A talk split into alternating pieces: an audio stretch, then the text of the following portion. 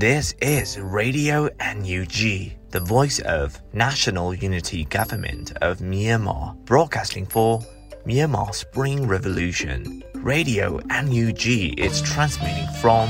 shortwave 16 meter 17.79 megahertz at 8:30 a.m. and 25 meter 11.94 megahertz at 8:30 p.m. Myanmar Standard Time. မင်္ဂလာပါခင်ဗျာ အမျိုးသားညီညွတ်ရေးအစိုးရရဲ့အတန်လွင့်ဌာန Radio NUG ကိုမနက်ပိုင်း၈နာရီခွဲမှာလိုင်းတို16မီတာစက္ကန့်တက်သမ9 MHz ညပိုင်း၈နာရီခွဲမှာလိုင်းတို25မီတာ17တက်သမ6 MHz တို့မှာဓာတ်ရိုက်ဖမ်းယူနိုင်နိုင်ပါပြီမင်္ဂလာအပေါင်းနဲ့ပြည့်စုံကြပါစေအခုချိန်ကစပြီး Radio NUG အစီအစဉ်တွေကိုဓာတ်ရိုက်အတန်လွှင့်ပေးနေပါပြီ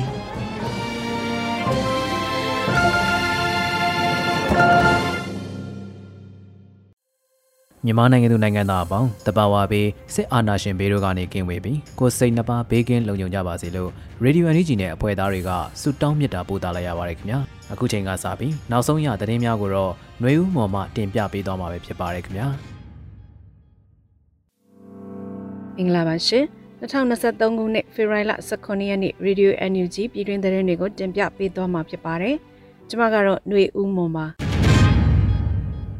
စစ်ကောင်စီရဲ့လူသားမျိုးနွယ်များအပေါ်ကျူးလွန်နေသောဆေးရဆွေးမှုများကိုတရားစွဲဆိုတရားစီရင်နိုင်ရေးကိုအတက်နိုင်ဆုံးကြိုးစားရန်ပြည်ထောင်စုဝန်ကြီးချုပ်ပြောကြားတဲ့အကြောင်းအရာကိုဥစွာတင်ပြပေးပါမယ်။စစ်ကောင်စီရဲ့လူသားမျိုးနွယ်များပေါ်ကျူးလွန်နေတဲ့ဆေးရဆွေးမှုတွေကိုတရားစွဲဆိုတရားစီရင်နိုင်ရေးကိုအတက်နိုင်ဆုံးကြိုးစားဖို့ပြည်ထောင်စုဝန်ကြီးချုပ်မန်ဝင်းခိုင်တန်းကပြောကြားလိုက်ပါတယ်။ဖေဖော်ဝါရီလ16ရက်မြို့သားညီညွတ်ရေးအစိုးရဂျာကာလာဒေသန္တရပြည်သူ့အုပ်ချုပ်ရေးဖော်ဆောင်မှုဗဟိုကော်မတီအစည်းအဝေးအမှတ်စဉ်9မြင်းဆောင်2023မှာဝန်ကြီးချုပ်ကဆိုပါတယ် ဂျာကာလာဗဟိုကော်မတီသည်မြေပြင်အုပ်ချုပ်ရေးဖွဲ့များနှင့်ထိတွေ့မှုအများဆုံးကော်မတီဖြစ်သောကြောင့်မြေပြင်ပြဿနာအခက်အခဲစိန်ခေါ်မှုများကိုအများဆုံးကြားသိနေရသောကော်မတီဖြစ်ကြောင်းတို့ဖြစ်၍စီဝေးများကိုသက်ဆိုင်ရာဝန်ကြီးဌာနတာဝန်ရှိသူများမှစ조사တက်ရောက်ရန်လိုကြောင်းပညာရေး၊ကျန်းမာရေးလူသားချင်းစာနာထောက်ထားမှုနဲ့ဘေးအန္တရာယ်ဆိုင်ရာစီမံခန့်ခွဲဝန်ကြီးဌာနများမှပြည်သူများကိုဝန်ဆောင်မှုပေးရာတွင်အားရပွဲရှိကြောင်းရန်ကုန်တိုင်းမန္တလေးတိုင်းနဲ့မကွေးတိုင်းအတွင်းကြန့်ရှိနေသော ပြည်သူ့အုပ်ချုပ်ရေးဖွဲ့များနှင့်စတင်တွေ့ဆုံမှုပြုလုပ်နေသည့်အတွက်ဝန်တာမိကြောင်းအုပ်ချုပ်ရေးလုပ်ငန်းများသည်နေရာဒေသတစ်ခုနှင့်တစ်ခုမတူညီသဖြင့်သူ့ရဲ့ဒေသနှင့်ကိုက်ညီသောမူဝါဒလက်ဆွဲများဖြစ်ရန်အရေးကြီးကြောင်းစစ်ကောင်စီလူသားမျိုးနွယ်များအပေါ်ကျူးလွန်နေသောဆရာဆွေးမှုများကိုစနစ်တကျမှတ်တမ်းတင်ထုတ်ပြန်ရန်လိုကြောင်းနိုင်ငံတကာရာဇဝတ်တရားရုံးများသို့တင်ကစစ်တပ်ကိုတရားစွဲဆိုတရားစီရင်နိုင်ကိုအတက်နိုင်ဆုံးစ조사ရမည်ဖြစ်ကြောင်းဝန်ကြီးချုပ်ကဆိုပါတယ်။ ဆက်လက်ပြီးတက်ရောက်လာကြတဲ့ဂျာကာလာဒေသနာပြည်သူ့ချုပ်ရေးဖော်ဆောင်မှုဗဟိုကော်မတီဖွဲ့ဝင်များမှ6မြင်းဆောင်2023年ချမှတ်ထားသောဆုံးဖြတ်ချက်ရှေ့လုပ်ငန်းစဉ်များနဲ့ပတ်သက်ပြီးပြည်စည်းမှုအခြေအနေများနဲ့ဆက်လက်ဆောင်ရွက်ရန်ကြံရှိနေတဲ့လုပ်ငန်းစဉ်များကိုချပြရှင်းလင်းပြီးတက်ရောက်လာတဲ့တာဝန်ရှိသူများမှကျေတွင်ဆွေးနွေးခဲ့ကြပါတယ်။စီဝေးတို့ပြည်ထောင်စုဝန်ကြီးများဒုတိယဝန်ကြီးများအမြဲတမ်းအတွင်းဝင်များဌာနဆိုင်ရာများမှတာဝန်ရှိသူများတက်ရောက်ခဲ့ပါတယ်ရှင်။ US Capital မှာတာဝန်ရှိသူချို့နဲ့ဆွေးနွေးခဲ့တယ်လို့ပြည်ထောင်စုဝန်ကြီးဦးထင်လင်းအောင်အသိပေးတဲ့အကြောင်းအရာကိုဆက်လက်တင်ပြပေးပါမယ်။ US Capital မှာတာဝန်ရှိသူချို့နဲ့ဆွေးနွေးခဲ့တယ်လို့ပြည်ထောင်စုဝန်ကြီးဦးထင်လင်းအောင်ကအသိပေးဆိုပါတယ်။ဖေဖော်ဝါရီ16ရက်မှာ NUG အစိုးရဆက်သွယ်ရေးသတင်းအချက်အလက်နဲ့ဤပညာဝန်ကြီးဌာနပြည်ထောင်စုဝန်ကြီးဦးတင်လင်းအောင်ကဆိုထားပါတယ်။ US Capital မှာတာဝန်ရှိသူအချို့နဲ့ဆွေးနွေးပြခဲ့ပါတယ်လို့ဝန်ကြီးကဆိုပါတယ်။အဲ့လိုဆွေးနွေးရမှာပြည်ထောင်စုလွှတ်တော်ကိုစားပြုကော်မတီဥက္ကဋ္ဌဦးအောင်ကြည်ညွန့်ပါဝင်ခဲ့တယ်လို့သိရပါတယ်။ ဖေဖော်ဝါရီ14ရက်နေ့ကလည်း NUG နိုင်ငံသားရေးဝန်ကြီးဒေါ်စမအောင်နဲ့ American နိုင်ငံသားရေးတူဝင်ကြီးဝင်းဒီရှာမန်တို့ထပ်မံတွေ့ဆုံဆွေးနွေးခဲ့တယ်လို့ American နိုင်ငံသားရေးဝန်ကြီးဌာနကသတင်းထုတ်ပြန်ခဲ့ပါတယ်ရှင်။စီဝိုင်းနဲ့ကုသရေးဝန်ကြီးဌာနဝန်ကြီးဒေါက်ခင်မမမျိုးအီတလီရှိမြန်မာအတိုင်းဝန်နဲ့ IBI တို့ရဲ့ဖိတ်ကြားချက်ရရောမမျိုးတို့လာရောက်ခဲ့တဲ့တဲ့ရင်ကိုလည်းတင်ပြပေးပါမယ်။ စီပွားရေးနဲ့ကုသရေးဝန်ကြီးဌာနဝန်ကြီးဒေါက်ခင်မမမျိုးဟာအီတလီရှိမြန်မာတိုင်ဝမ်နဲ့ IBI တို့ရဲ့ဖိတ်ကြားချက်ရရောမမျိုးကိုလာရောက်ခဲ့တယ်လို့သတင်းရရှိပါရယ်။ဖေဖော်ဝါရီ16ရက်မှာစီပွားရေးနဲ့ကုသရေးဝန်ကြီးဌာနကအတည်ပြုဖော်ပြပါရယ်။မြို့သားညီညွတ်ရေးအစိုးရအဖွဲ့၏စီပွားရေးနဲ့ကုသရေးဝန်ကြီးဌာနဝန်ကြီးဒေါက်ခင်မမမျိုး Intelia Brahmania Izmi Enzo Scotti နဲ့ Cecilia Bright တို့အားနိုင်ငံသားရေးနဲ့ ပြည်ပဆိုင်ရာပူးပေါင်းဆိုင်ရာဝန်ကြီးဌာနအာရှရေးရာညွှန်ကြားမှုချုပ်အလက်ဇန်ဒရာမှတမ်မတ်ကြီးအလက်ဇန်ဒရာဆက်ရှရာဘုဆွေးနွေးပွဲမှာတွေ့ဆုံခဲ့တယ်လို့ဆိုပါရယ်ဆွေးနွေးပွဲမှာအီတလီနဲ့အီယူတို့ကအတိမတ်ပြုခြင်းရဲ့ရေးတကြီးလိုအပ်မှုနဲ့လိုအပ်ချက်များကိုဆွေးနွေးပွဲမှာပြောဆိုခဲ့ပါတယ်။ထူးသဖြင့်ဗန်နာရီအာမဂန်နဲ့လေကြောင်းတိုက်ခတ်မှုအတွက်အသုံးပြုသည့်လောင်စာစီထောက်ပံ့ရေးကဏ္ဍများတွင်ဆီယနာရှင်များပေါ်နောက်ထပ်ပိတ်ဆို့ရေးယူမှုများချမှတ်ရန်တို့ကိုလည်းပြောကြားခဲ့ပါတယ်။အီတလီယဘရမနီယာအစ္စမီတီထောင်သူအဖွဲ့ဝင်ချို့နဲ့လည်း မြို့သားညီညွတ်ရေးအစိုးရနဲ့မြန်မာဒီမိုကရက်တစ်အဖွဲ့အစည်းများကိုပံ့ပိုးကူညီရန်ဘုံအစာပြုမှုများကိုသဘောတူညီခဲ့ပါတယ်ရှင်။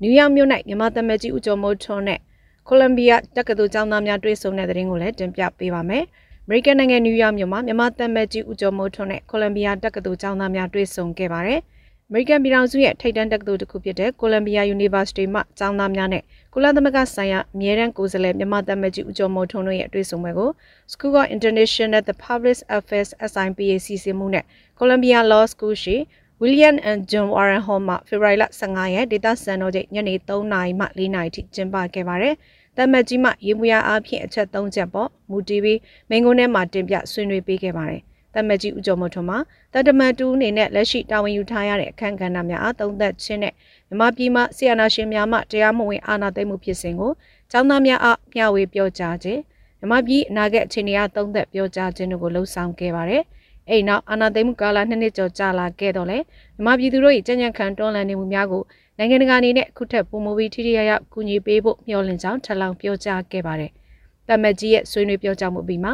ចောင်းသားများမှစိတ်ဝင်စားမေးခွန်းများအပြန်အလှန်မေးမြန်းကြပြီးတမတ်ကြီးမှပြန်လည်ဖြေကြားခဲ့ကြောင်းသတင်းရရှိပါတယ်ရှင်။စားမြူစစ်ကြောင်းနဲ့ငကားမြူစစ်ကြောင်းရဲဘော်များကိုလက်နက်တပ်ဆင်မှုများစက်တိုက်ပြုလုပ်နေတဲ့တဲ့ရင်ကိုဆက်လက်တင်ပြပေးပါမယ်။ကြားမြူစစ်ကြောင်းနဲ့ငကားမြူစစ်ကြောင်းရဲဘော်တွေကိုလက်နက်တပ်ဆင်မှုများစက်တိုက်ပြုလုပ်ခဲ့ပါတယ်။ဖေဖော်ဝါရီ16ရက်မှာမြို့သားညီညွတ်ရေးအစိုးရတောင်ပိုင်းစစ်ဒေသဒုစစ်ဒေသမှုနှင့်ရဲဘော်စောရှာနဲ့တောင်ပိုင်းစစ်ဒေသတာဝန်ရှိပုဂ္ဂိုလ်များမှ စစ်ဒေသခွဲအမှတ်3ပြည်သူ့ကာကွယ်ရေးတပ်မတော်၏ကြားပြစစ်ကြောင်းနှင့်ငကားပြစစ်ကြောင်းများမှတိုက်ပွဲဝင်ရဲဘော်များထံသို့လက်နက်များတပ်ဆင်ပေးအပ်ခဲ့တယ်လို့သတင်းရရှိပါရယ်ခန္ဓာမှာတောင်ပိုင်းစစ်ဒေသစစ်ဒေသခွဲအမှတ်3အတွင်းရှိပြည်သူ့ကာကွယ်ရေးတပ်မတော်ကြားပြစစ်ကြောင်းနှင့်ငကားပြစစ်ကြောင်းတို့မှရဲဘော်များသည်ပြည်သူ့ကာကွယ်ရေးတပ်မတော်အလံတော်အားလေးပြူခြင်းနှင့်ပြည်သူ့ကာကွယ်ရေးတပ်မတော်၏တစ္ဆာဒိဋ္ဌံလေးချက်အားရွတ်ဆိုပြီးတစ္ဆာဒိဋ္ဌံပြုခဲ့ကြပါရယ်အိမ်နောက်တောင်ပိုင်းစစ်ဒေသဒုစစ်ဒေသမှုနှင့်ရဲဘော်စောရှာက စစ်ဒေသခွဲအမှတ်3တွေ့စစ်စင်းနဲ့ပတ်သက်ပြီးပြင်ဆင်ဆောင်ရွက်နေမှုများနဲ့ရခိုင်ကျန်းဖတ်စစ်ကောင်စီနဲ့ဖြစ်ပွားခဲ့သောထိတွေ့ရင်းဆိုင်တိုက်ပွဲများမှာလည်းပြည်သူ့ကာကွယ်ရေးတပ်မတော် PDF စစ်ကြောင်းများနဲ့မဟာမိတ်များပူးပေါင်းချိတ်ဆက်ခါစီရေးဖော်ဆောင်နိုင်ခဲ့မှုသည်ချိနော့ခမန်အားကောင်းလာမှုကိုဖော်ညွှန်းနေပြီးစစ်စင်ရေးစီမံချက်များကိုအောင်မြင်စွာဖြင့်အကောင့်ထဲဖော်နိုင်ခဲ့ကြောင်းနဲ့လူဒေါ်လာရဲ့နှစ်နှစ်ကျော်ကာလအတွင်းအာဏာရှင်စနစ်အမြင့်ပြတ်ချေမှုန်းရေးအတွက်ရဲဘော်များရဲ့စိတ်သက်မာကျောနေမှုများကိုဂုဏ်ပြုစကားပြောကြားခဲ့ပါတယ်။ မြို့သားညီညွတ်ရေးအစိုးရကာကွယ်ဝင်ကြီးဌာနသည်တောင်ပိုင်းစစ်ဒေသစစ်ဒေသခွဲအမှတ်3အတွင်းရှိပြည်သူ့ကာကွယ်ရေးတပ်မတော်၏စစ်ကြောင်းများအားစစ်စင်ရေးယူမှန်းချက်များအောင်မြင်စွာဖြင့်ကောင်းထဲဖော်ဆောင်နိုင်ရန်အတွက်လက်နက်များနဲ့ခဲယမ်းများကိုဖြည့်တင်းဆောင်ရွက်ခြင်းနဲ့ရဲဘော်များ၏စွမ်းရည်ပြေဝစေရန်အတွက်မွမ်းမံတင်နန်းများပြုလုပ်ခလေ့ကျင့်သင်ကြားပေးခြင်းများဆောင်ရွက်လျက်ရှိပြီး2022ခုနှစ်ဒီဇင်ဘာလ26ရက်နေ့မှစတင်ကပြည်သူ့ကာကွယ်ရေးတပ်မတော်၏ကော့ဘရာစစ်ကြောင်းဒေါနာစစ်ကြောင်းကျက်တစ်နက်စစ်ကြောင်း တောင်ညိုစစ်ကြောင်းငကနီစစ်ကြောင်းငကားဖြူစစ်ကြောင်းနဲ့ကြားဖြူစစ်ကြောင်းရှိတိုက်ပွဲဝင်ရဲဘော်များထံသို့လက်နက်များအသီးသီးတက်ဆင်ပေးအပ်ခဲ့ပြီးဖြစ်ပါတယ်ရှင်မြန်မာပြည်သူများအတွက် American နိုင်ငံတကာဖွံ့ဖြိုးရေး Agency USAID မှတဆင့်လူသားချင်းစာနာမှုဆိုင်ရာအကူအညီ American ဒေါ်လာ350ကိုအသစ်ထပ်မံထောက်ပံ့သွားမယ်ဆိုတဲ့သတင်းကိုလည်းတင်ပြပေးပါမယ်။မြန်မာပြည်သူများအတွက် American နိုင်ငံတကာဖွံ့ဖြိုးရေး Agency USAID မှတဆင့် လူသားချင်းစာနာမှုဆိုင်ရာအကူအညီ American ဒေါ်လာ350ကိုအသစ်ထပ်မံထောက်ပံ့သွားမယ်လို့သတင်းရရှိပါရယ်။ February 16ရက်မှာ American ပြည်ထောင်စုမှထုတ်ပြန်ချက်ကို American တန်ယုံရန်ကုန်ကဖော်ပြပါရယ်။မြန်မာနိုင်ငံတွင်တိုးမြင့်လာသည့်နေရစွန့်ခွာရမှုများလက်နက်ကိုင်ပြပခါများနှင့်စားနေခါပုံမှုရှားပါလာမှုများက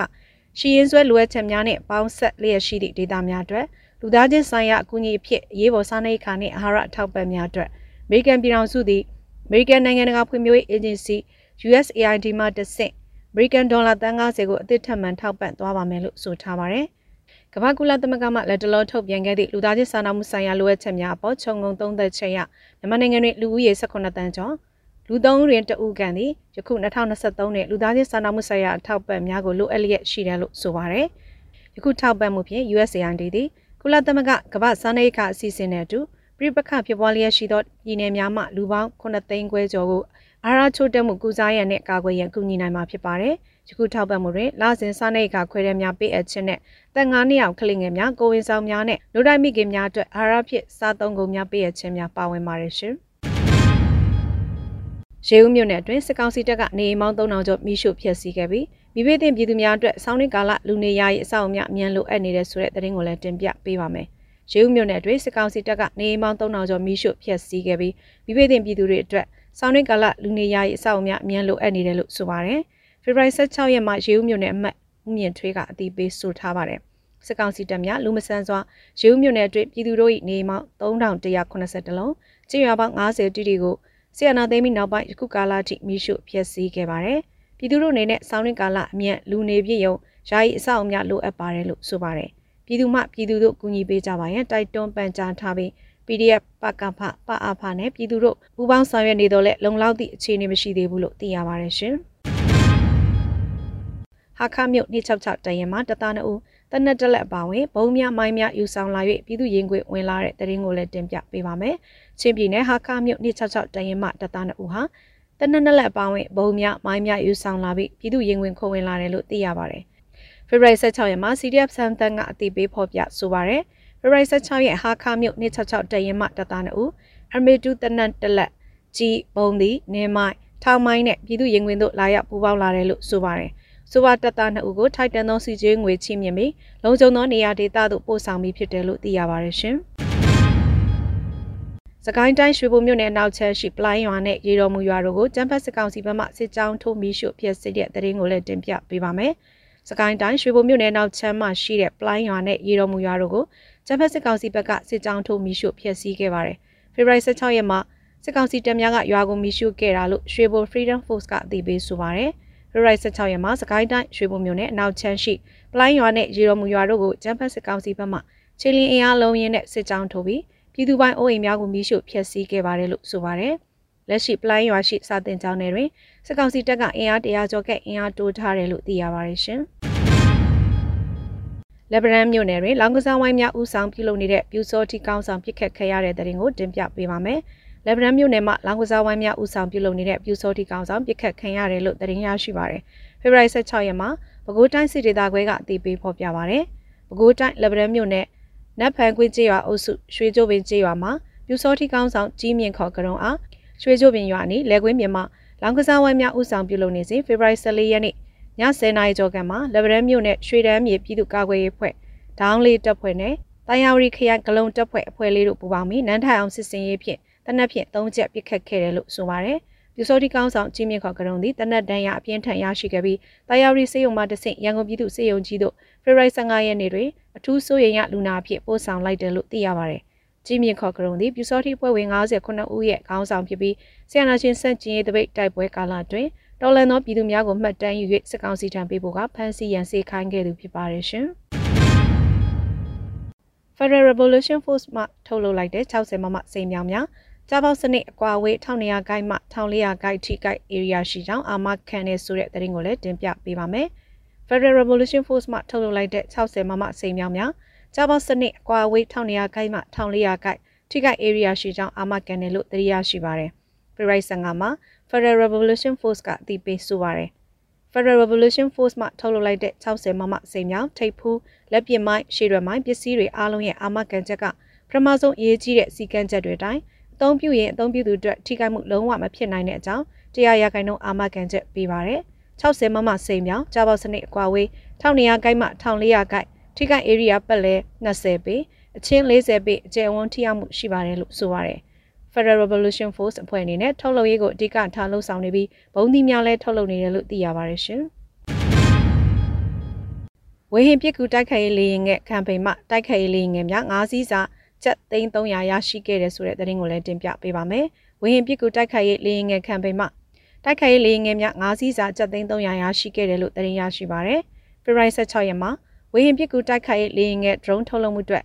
ချက်တစ်ထောင်ကမ်ပိန်းတပတ်စာရရှိငွေရှင်းတဲ့ကို People's Voice ကအသိပေးဆိုပါတယ်။တိုက်ခိုက်ရေးလေရင်ငယ်များတစည်းစာအတွက်ကုန်ကျငွေချက်သိန်း60 US ဒေါ်လာ2000နှုန်းဖြင့်၅စီးစာကျပ်သိန်း300ရရှိခဲ့ပါတယ်။ဒါ့အပြင်ကျပ်1000ကမ်ပိန်းမှထောက်ပို့ငွေထည့်ဝင်သူ160ဦးရှိခဲ့တယ်လို့ဆိုပါတယ်။ drone ထုတ်လုပ်ရေးအတွက်ကောက်ခံရရှိငွေအားလုံးဆိုရင်ကျပ်386သိန်းကျော်ရရှိကစီးရေးချင်းတွေကအမြန်တက်စင်မှုလိုတဲ့အတွက်ရရှိငွေတွေမှကျပ်သိန်း300ကိုလည်းသက်ဆိုင်ရာထုတ်လုပ်ရေးတာဝန်ရှိသူများထံကနဦးလွှဲပြောင်းပြီးဖြစ်ကြောင်း People's Voice ကအသိပေးဖော်ပြပါရတယ်။ ဒါအပြင်ကြက်ထောင်ကမ်ပိန်းကိုလည်း၁၂ရက်လုံးမှာဖြစ်တဲ့အတွက်ကျန်တဲ့9ရက်မှာပြည်သူများဆက်လက်ပါဝင်နိုင်ကြောင်းလည်းသိရပါတယ်ရှင်။ခုတင်ပြခဲ့တဲ့သတင်းတွေကို Radio NUG သတင်းတောက်မင်းမင်းကပေးပို့ထားတာပဲဖြစ်ပါတယ်ရှင်။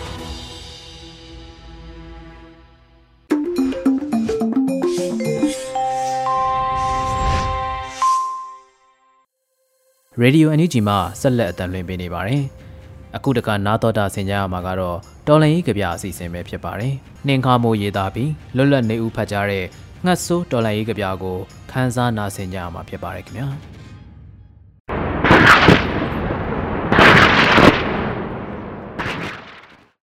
ငှက်ဆိုး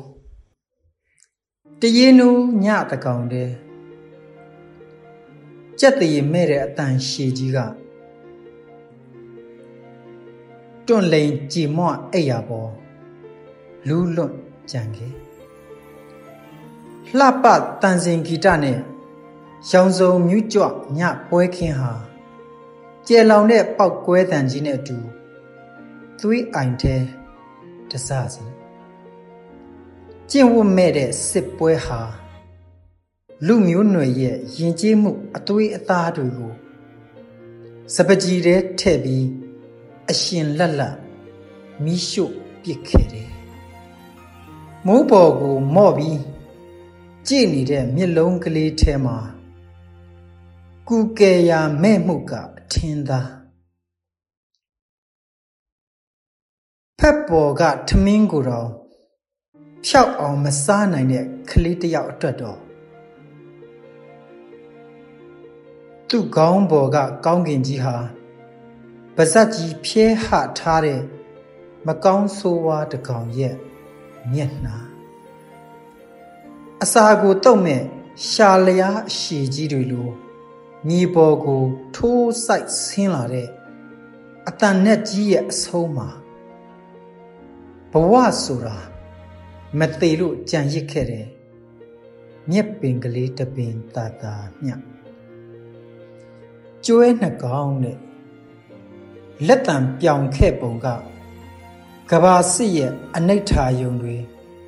ဂျပန်ခေတ်ရဲ့ငရဲပုံပြင်တွေကိုယ်အိမ်ခေါင်မိုးပေါ်တက်တက်ကြမှဒီစစ်ပွဲမှာငါဟာဘယ်ပြောင်းဝရှိမှလဲဆိုတာသိကြမှာလားအခုတော့အဲ့ဒီကျွဲနှကောင်ထက်တောင်ရိုင်းဆိုင်တဲ့ဆိုးဝါးတဲ့သွေးစာတဲ့ငှက်ရိုင်းတွေ ငှက်မိတ်စာတွေလူသားစာငှက်တွေအနောက်မြောက်လွင်ပြင်ပေါ်မှာအရှိဘက်ကုန်းမြင့်တောင်ရိုးတွေပေါ်မှာမြောက်ဘက်တောင်တန်းတွေပေါ်မှာအကိုရအမတွေကစာသင်ခန်းကိုပြစ်စစ်တိုက်ထွက်နေကြတဲ့အချိန်မောင်လေးတွေညီမလေးတွေကစာသင်ခန်းထဲမှာဘုံကျဲ အသက်ခံနေကြရတယ်ပြာလွန်ပြီးအဆုံးမရှိတဲ့မိုးသားကောင်းကင်ဆိုတာလွတ်လပ်မှုရဲ့သင်္ကေတပါမြေပြင်ပေါ်မှာချစ်ချင်းမေတ္တာတွေပြာကျနေတဲ့အချိန်မှာတော့ငါတို့ခေါင်းပေါ်မှာရှိနေတာတားရဲတလိษံထူပြောတဲ့တောနဲ့ကြီးတစ်ခုသာဖြစ်ရဲ့လုံခြုံမှုဆိုတာ ယုံနှကောင်လိုကို့တွင်းပေါက်ထဲခေါင်းထိုးထည့်ထားယုံနဲ့ရနိုင်ပါမလားငှက်ခတ်ကွင်းတွေပိုက်ထောင်တွေလေးကိုင်းတွေအားလုံးစုယုံကြမြေပြင်မှာမီးဖိုပြီးစောက်ကြငှက်ဆိုးသားဟာခါခဲ့ရင်တော့မီးกินတဲ့အခါမှုေးပြန်လာပြီလိမ့်မယ်ကောင်းကင်ဆိုတာလွတ်မြောက်သူတို့ရဲ့ ပင်လေကမ်းခြေသာဖြစ်ရဲ့နှင်ခါမှု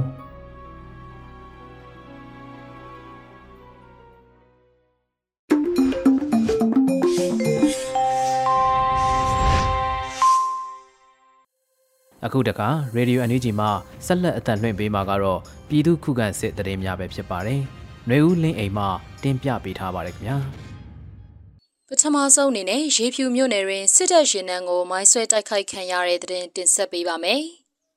တနင်္သာရီတိုင်းရေဖြူမြို့နယ်ရေးတဝဲလမ်းပိုင်းမိုင်းနိုင်22မှာအကြမ်းဖက်စစ်ကောင်စီရင်နှန်းကိုမိုင်းဆွဲတိုက်ခိုက်ခဲ့ရာအကြမ်းဖက်စစ်သား10ဦးကျော်သေဆုံးခဲ့ကြောင်းရေဖြူမြို့နယ်ပြည်သူ့ကာကွယ်ရေးတပ်ဖွဲ့မှတာဝန်ရှိသူတဦးထံမှသိရပါဗျ။ February လ12ရက်နေ့နေ့လယ်2နာရီဝန်းကျင်ခန့်ကရေးမြို့မှတရက်ချောင်းမြို့ဘက်ကိုသွားတဲ့အကြမ်းဖက်စစ်သားအများအပြားလိုက်ပါလာတဲ့ဖော်ကား18စီးကို ပြည်သူ့ကာကွယ်ရေးတပ်ဖွဲ့များမှပြင်းအားမြင့်လက်လုံမိုင်းများဖြင့်ဖောက်ခွဲတိုက်ခိုက်ခဲ့ပြီးနောက်လက်နက်ငယ်များဖြင့်ပစ်ခတ်တိုက်ခိုက်ခဲ့ရာ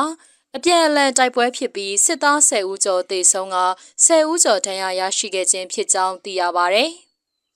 အဆိုပါတိုက်ခိုက်မှုကိုရေဖြူမြို့နယ်ပြည်သူ့ကာကွယ်ရေးတပ်ဖွဲ့နဲ့ Mind Force PDF တပ်ဖွဲ့တို့မှပူးပေါင်းတိုက်ခိုက်ခဲ့ခြင်းဖြစ်ပြီးအကြမ်းဖက်စစ်တပ်မှ40မမ60မမတို့ဖြင့်ဒရဇက်ပြန်လည်ပစ်ခတ်ခဲ့ပေမဲ့ပြည်သူ့ကာကွယ်ရေးတပ်ဖွဲ့ဝင်များအထိကိမရှိပြန်လည်ဆုတ်ခွာနိုင်ခဲ့ကြောင်းသိရပါဗျ။ဆက်လက်ပြီးအရာတော်မြို့နယ်အမှတ်30လေးကျင်ရေးတပ်ကုန်း PDF တပ်ဖွဲ့များမှတိုက်ခိုက်ရာအရာရှိများအပါအဝင်စစ်သား6ဦးသေဆုံးနေဆိုတဲ့သတင်းကိုတင်ဆက်ပေးပါမယ်။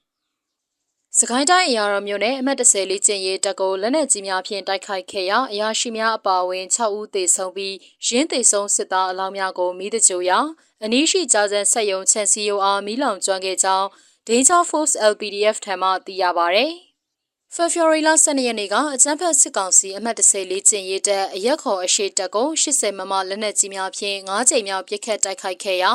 ဒဏ်ရာရစစ်သားများအတွင်မှ6ဦးသေဆုံးခဲ့ခြင်းဖြစ်ပြီးရင်းသေဆုံးစစ်သားများကိုမနေ့ကဖေဖော်ဝါရီလ14ရက်နေ့ကအရာတော်တုတ်တံမှာမိတကြိုခဲ့ကြောင်းသိရပါဗျ။အကြမ်းဖက်စစ်တပ်မှလက်နက်ကြီးလက်နက်ငယ်များဖြင့်ပြန်လည်ပစ်ခတ်တိုက်ခိုက်မှုကြောင့်ပြည်သူ့ကာကွယ်ရေးရဲဘော်တအူးမစိုးရိမ်ရဒဏ်ရာရရှိခဲ့ကြောင်းသိရပါဗျ။နောက်ဆုံးအနေနဲ့မူဆယ်ကုတ်ခိုင်နယ်စပ်တိုက်ပွဲတွင်စစ်တပ်ဘက်မှတိုက်ဆုံသူများသောကြောင့်တိုက်လေရင်ဖြင့်ပုံကျဲတဲ့တဲ့ရင်ကိုတင်ဆက်ပေးပါမယ်။ ရှမ်းပြည်နယ်မြောက်ပိုင်းမူဆယ်မြို့နယ်နဲ့ကုတ်ခိုင်မြို့နယ်အဆက်တိုက်ပွဲမှာအကြမ်းဖက်စစ်တပ်မှအရာရှိကြီးများတေဆုံးနေပြီးအကြမ်းဖက်စစ်ကောင်စီလေတပ်မှတိုက်လေရင်များဖြင့်ဘုံကျဲတိုက်ခိုက်နေကြောင်း KIA သတင်းရှင်းမြစ်ထံမှသိရှိရပါဗျ။ ဒီကနေ့ဖေဖော်ဝါရီလ15ရက်နေ့မနက်၈နာရီခန့်မှစပြီးကချင်လွတ်မြောက်ရေးတပ်မတော် KIA တပ်မဟာ6ထိန်းချုပ်နယ်မြေအတွင်းကိုစစ်ကြောင်းထိုးလာတဲ့အကြမ်းဖက်စစ်တပ်တပ်မ69လက်အောက်ခံတပ်ဖွဲ့များနဲ့မူဆယ်မြို့နယ်ပြည်သူ့စစ်ပူးပေါင်းတပ်ဖွဲ့များကို KIA တပ်ဖွဲ့မှခုခံတိုက်ခိုက်ခဲ့ရာအကြမ်းဖက်စစ်တပ်မှအရာရှိများအပါအဝင်အများအပြားသေဆုံးခဲ့ကြောင်းသိရပါဗျ။ ထို့သောအကြမ်းဖက်စစ်တပ်မှအရာရှိကြီးများသေဆုံးသည့်အထိကြာရှုံးနေတာကြောင့်နေ့လယ်12နာရီ4မိနစ်မှာတရားဦးလေစိမ်းမှ Jet Fighter တိုက်လေယာဉ်တစ်စီးဖြင့်တနအီခွဲအထိ၃ချိန်လှည့်ပတ်ဘုံကျဲတိုက်ခိုက်ခဲ့ကြောင်းနေ့လယ်တနာရီ46မိနစ်တွင်လည်းမြစ်ကြီးမြို့လေတဲ့စခန်းမှာတိုက်လေယာဉ်တစ်စီးပြန်တက်လာပြီးတနာရီ56မိနစ်မှစတင်ကဘုံကျဲတိုက်ခိုက်ခဲ့ကြောင်း တရားဦးလေစိမ်းမှလည်းညနေ3:58မိနစ်တွင် Jet Fighter တိုက်လေယာဉ်တစ်စီးထပ်မံတက်လာက4:22မိနစ်တွင်ထပ်မံဘုံကျဲတိုက်ခိုက်ခဲ့ကြောင်းသိရပါတယ်ရှင်။